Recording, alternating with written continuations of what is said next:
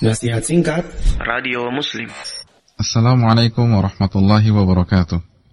Alhamdulillahi wassalatu wassalamu ala rasulillahi wa ba'd.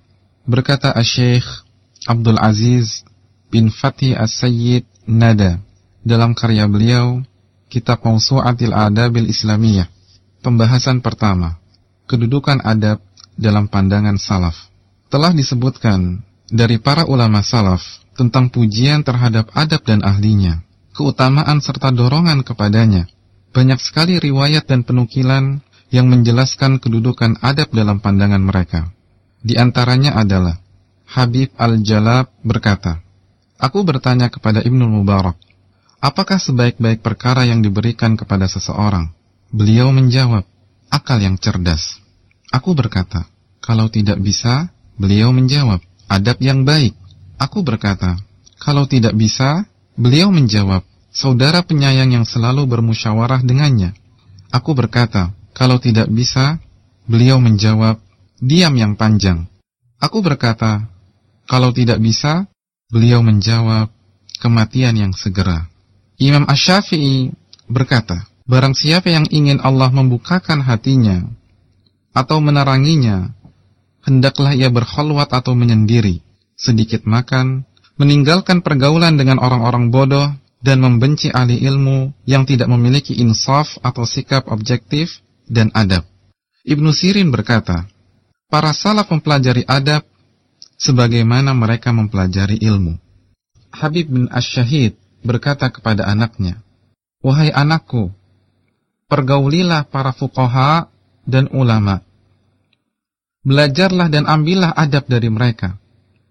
Sesungguhnya hal itu lebih aku sukai daripada banyaknya hadis.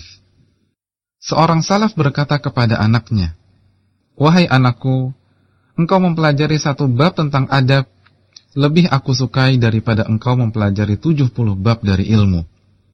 Mukhallad bin Al-Husain berkata kepada Ibnu Mubarak, "Kami lebih membutuhkan banyak adab daripada banyaknya hadis."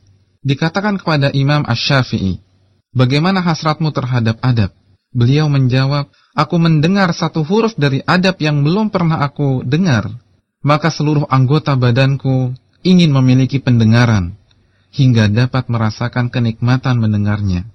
Dikatakan, bagaimana keinginanmu untuk mendapatkannya?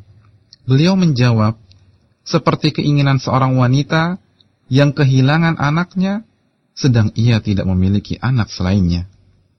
Abu Bakar Al-Mitwa'i berkata, Aku bolak-balik kepada Abu Abdullah, yakni Imam Ahmad bin Hambal, selama sepuluh tahun. Beliau membacakan kitab Al-Musnad kepada anak-anaknya. Aku tidak menulis satupun hadis darinya. Aku hanya melihat pada adab dan akhlak beliau. Az-Zahabi menyebutkan, bahwasanya majelis Imam Ahmad dihadiri oleh 5.000 orang. 500 di antaranya mencatat, sedangkan selebihnya mengambil manfaat dari perilaku, akhlak, dan adab beliau. Ibnu Mubarak juga berkata, Aku mempelajari adab selama 30 tahun, dan aku mempelajari ilmu selama 20 tahun. Adalah para salaf mempelajari adab baru kemudian mempelajari ilmu. Al-Qarafi berkata, Ketahuilah, bahwasanya sedikit adab lebih baik daripada banyaknya amal. Oleh karena itulah, Ruwayyim, seorang alim yang saleh, berkata kepada anaknya, Wahai anakku, jadikanlah amalmu ibarat garam, dan adabmu ibarat tepung, yakni Perbanyaklah adab hingga perbandingan banyaknya seperti perbandingan tepung dan garam dalam suatu adonan.